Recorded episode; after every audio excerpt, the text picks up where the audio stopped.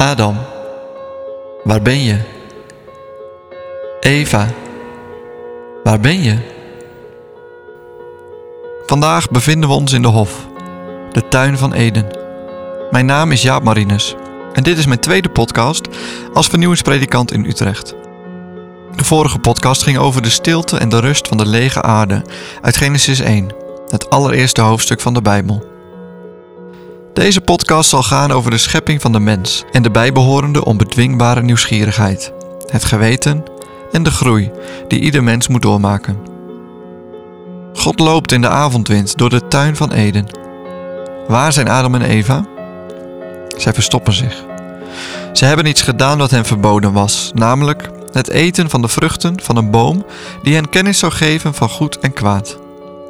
Ze ontwikkelen een geweten en beseffen dat ze naakt zijn en schamen zich. Mens, waar ben je? Ik hoorde u in de tuin en werd bang omdat ik naakt ben. Daarom verborg ik me. Wie heeft je verteld dat je naakt bent? Heb je soms gegeten van de boom waarvan ik je verboden had te eten? De vrouw die u hebt gemaakt om mij terzijde te staan, heeft mij vruchten van de boom gegeven en toen heb ik ervan gegeten. Een kinderlijke reactie van Adam. Jullie hebben het gedaan. Het geweten van Adam reikt nog niet verder dan de angst voor bestraffing en verantwoordelijkheid nemen voor zijn daden is hem niet bekend. Hij lijkt iets gedaan te hebben waar geen terugkeer van mogelijk is. Zijn daad is niet meer ongedaan te maken. Nu is de kinderlijke onschuld afgelegd. Het echte leven is begonnen. De straf die volgt is eigenlijk alleen maar de straf van het echte leven, van het volwassen worden. Niet meer in je blootje door de tuin banjeren en met de dieren spelen, maar hard werken. Zweten zul je voor je brood, totdat je terugkeert tot de aarde waaruit je bent genomen. Stof ben je, tot stof keer je terug. Het geweten vormt zich door kennis van goed en kwaad. Wat is goed? Wat is kwaad? Een objectief geweten lijkt me uitgesloten.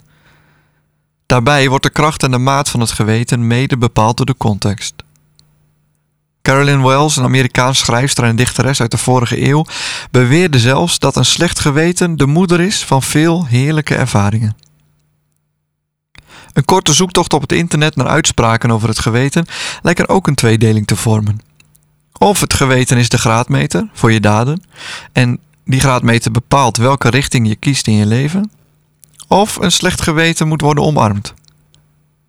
Daarbij schijnt een slecht geheugen te helpen tegen een slecht geweten. De vraag is nu welke rol het geweten speelt in jou en mijn leven. Hebben we de termen schuld, geweten, goed en kwaad misschien beperkt tot gevoel? Volg je hart? Als het goed voelt, dan kun je het doen, anders niet. En wat als je de verkeerde keuze maakt? Krijg jij dan last van een slecht geweten? Of kun je misstappen ook jezelf vergeven? Wat ik mis in het verhaal uit Genesis is de vraag waarom Adam en Eva van de verboden vrucht aten. Ja, ze werden verleid door de slang en ja, ze waren nieuwsgierig. Maar in een therapiesessie zou toch ook gevraagd worden: heb je iets gemist hier in het paradijs? Hadden jullie niet genoeg aan elkaar en al het moois en heerlijks hier? Wil je ergens over praten? Als je zou kunnen en je zou het over mogen doen, had je dan nog steeds van die vrucht gegeten? Hoe zit het met spijt in uw en jouw leven? Heb je keuzes gemaakt die je over zou willen doen? En is die vraag relevant? Of zou je veel meer stil kunnen staan bij de consequenties en hoe je daarmee omgaat? Ook ik heb mijn nodige portie spijt gehad in mijn leven, maar daarin blijven hangen heeft me nooit een steek verder geholpen. Godfried Boman schreef: Vrijheid is wat je doet met wat je is aangedaan. Ik zou eraan toe willen voegen: Vrijheid is ook wat je doet met wat je jezelf hebt aangedaan. Voor zover ik weet, wordt er nergens meer over Adam en Eva geschreven dat ze terugdachten aan de tijd van het paradijs. Ze krijgen kinderen en kleinkinderen, worden ongelooflijk oud en krijgen het nodige leed te verduren. Maar over spijt lees je niets. Niet verstoppen, niet bij de pakken neer gaan zitten. Een mens leert altijd meer van zijn of haar fouten. Ze zijn noodzakelijk in het proces van volwassen worden.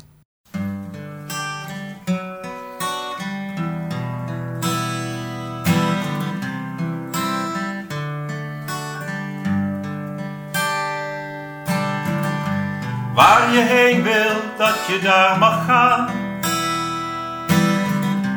en je mij ook ooit vergeeft. Je onthoudt waar jouw wieg heeft gestaan. En niet terug,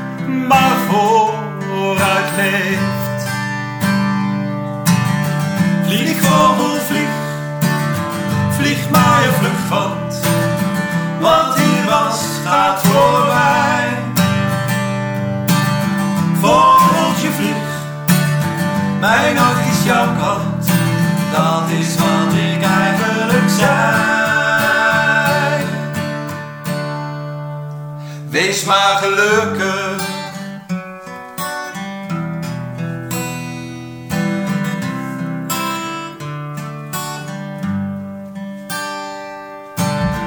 Dat tegenover elke koude nacht je ook zon en warmte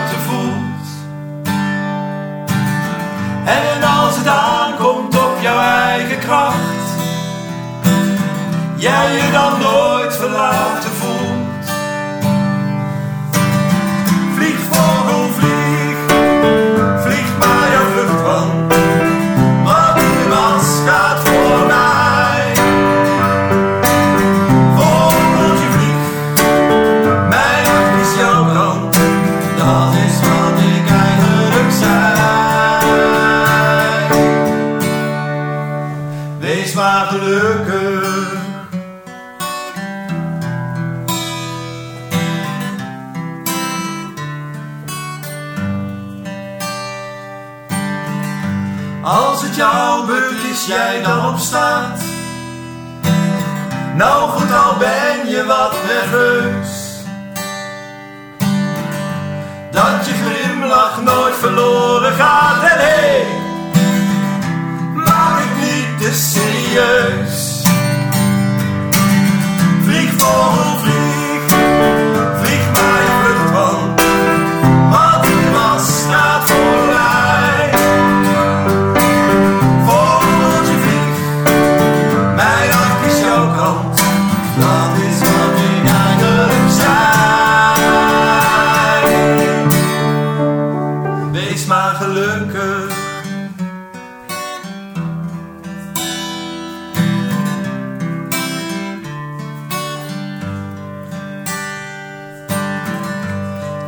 schoonheid ziet in elke fout en van imperfectie houdt. En je nooit vergeet, ook al sta je op de maan, dan bel je mij en ik kom.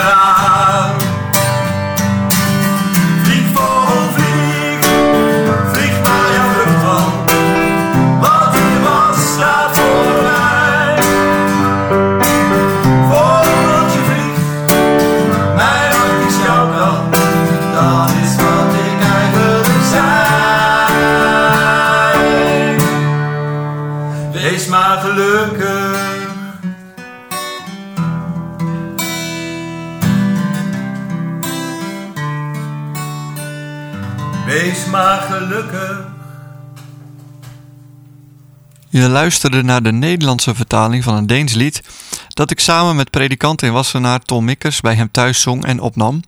En het gaat over het loslaten van het verleden en vooruitkijken.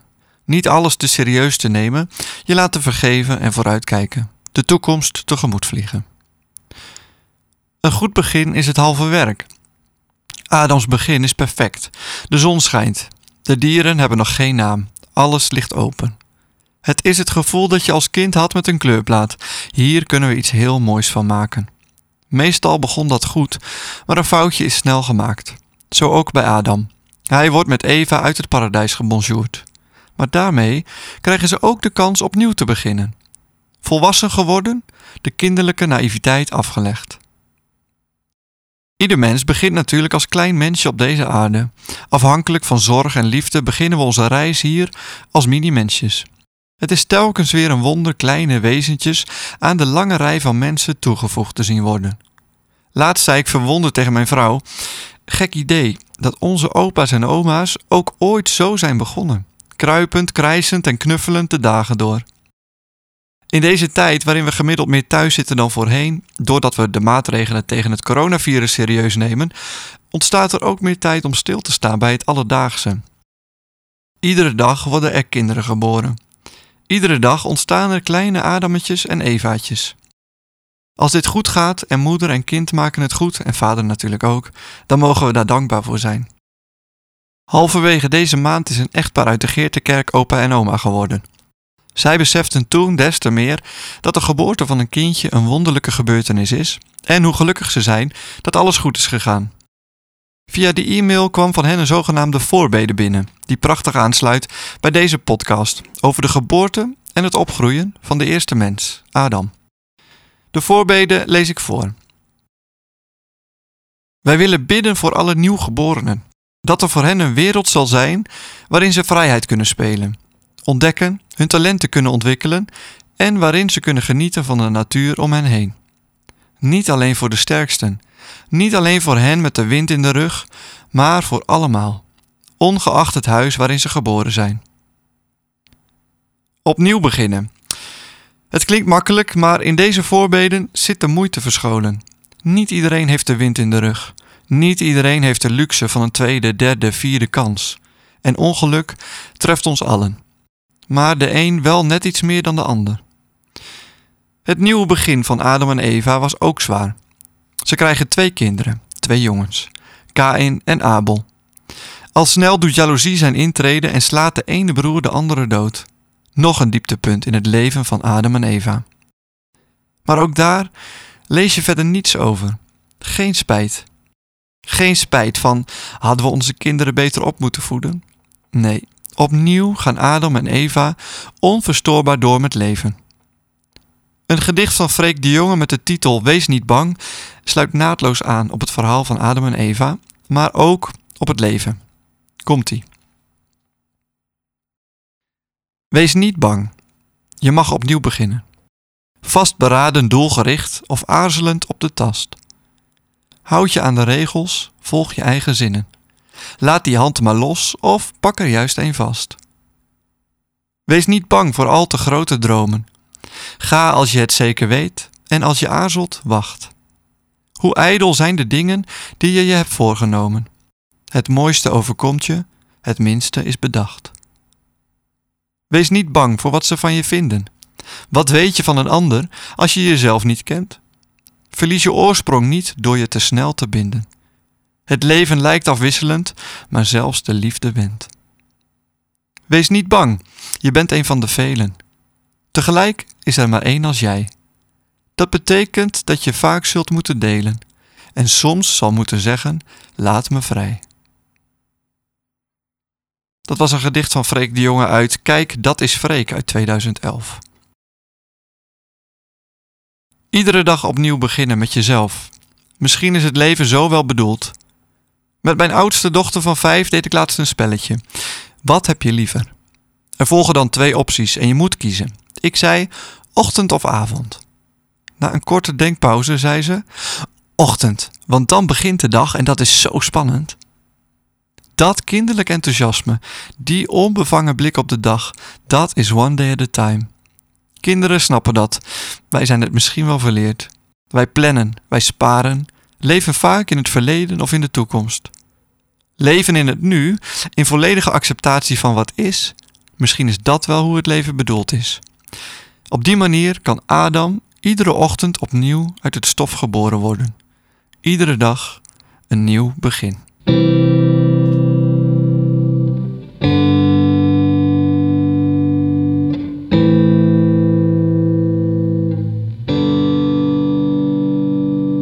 Kijk, de zon staat aan de hemel. Dit is het einde van de nacht. Ik was verdwaald in het donker. Ik vond mijn weg terug op de tast. Vroeger was ik rijk aan woorden. Ik ben verstild, ik ben veranderd. Maar mijn stem, mijn stem bleef branden. Dit is het vuur, jij mag je warmen. Hoor de taal van mijn hart. Hoor de taal van mijn hart. Ook al klink ik soms gebroken, gebroken en verward. Het is de taal van mijn hart.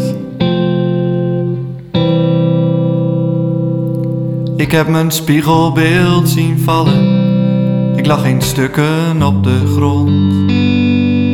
Ik heb mezelf leren kennen als een held en als een hond. En er is niet zoveel meer over van al mijn tedere geweld. Maar ik ken nu ook mijn slechte kanten en ik sta dichter bij mezelf.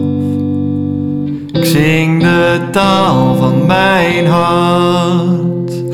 Hoor de taal van mijn hart. Ook al klink ik soms gebroken, gebroken en verward.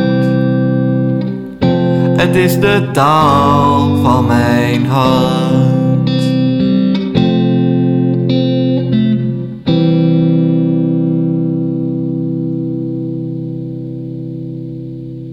Het verhaal van de schepping en het gedoe met de bomen is die van de oorsprong van ieder mens.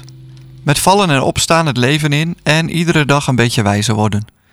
Het leren loslaten van de mening van een ander, accepteren wat is en jezelf tweede kansen gunnen. Helemaal aan het einde van de Bijbel heeft ene Johannes op een eiland een openbaring gehad, die hij heeft opgeschreven. Nogal cryptisch en in vage beelden heeft hij een van de meest ingewikkelde Bijbelboeken op papier gekregen. In het laatste hoofdstuk staat een spiegelverhaal met die van het begin van de Bijbel. Niet meer one day at a time, maar vooruitblikken naar de toekomst. Hoe je dit verhaal kunt interpreteren en toepassen is misschien wel iets heel persoonlijks en misschien is het wel onmogelijk. Toch is het verbeelden van een mooie toekomst misschien wel het begin van die mooiere toekomst. Ik lees graag voor uit Openbaring 22, de eerste vijf versen. Hij liet me een rivier zien met water dat leven geeft. De rivier was helder als kristal en ontsprong aan de troon van God en van het Lam. In het midden van het plein van de stad en aan weerskanten van de rivier stond een levensboom, die twaalf vruchten gaf, elke maand zijn eigen vrucht. De bladeren van de boom brachten de volken genezing. Er zal niets meer zijn waarop nog een vloek rust. De troon van God en van het Lam zal daar in de stad staan. Zijn dienaren zullen hem vereren en hem met eigen ogen zien, en zijn naam staat op hun voorhoofd. Het zal er geen nacht meer zijn, en het licht van een lamp of het licht van de zon hebben ze niet nodig, want God zal hun licht zijn. En zij zullen als koningen heersen tot in eeuwigheid. Tot zover. Ja, om eerlijk te zijn kan ik niet zoveel met een toekomst die er zo uitziet, eh, behalve het beeld van de levensboom, die vruchten voortbrengt. Het leven in betonnen huizen met eten uit de supermarkten is een uitvinding die nog maar kort bestaat en die misschien helemaal niet zo goed is voor de mens. Er ontstaan op onze planeet allerlei bewegingen van mensen die back to basics gaan, terug naar de natuur en daar gezonder en gelukkiger leven. De verbeelding van zo'n leven houd ik graag levend en is misschien wel een terugkeren naar het paradijs waar we ooit uit moesten. Voor nu gun ik u jou en mij een fijne zondag voor degene die deze podcast luisterde via Radio Geertekerk. En een fijne andere dag voor allen die deze podcast op een andere dag luisterden. Begin iedere dag opnieuw en gun jezelf die tweede kans. Alleen dan kunnen we op weg naar een mooiere toekomst.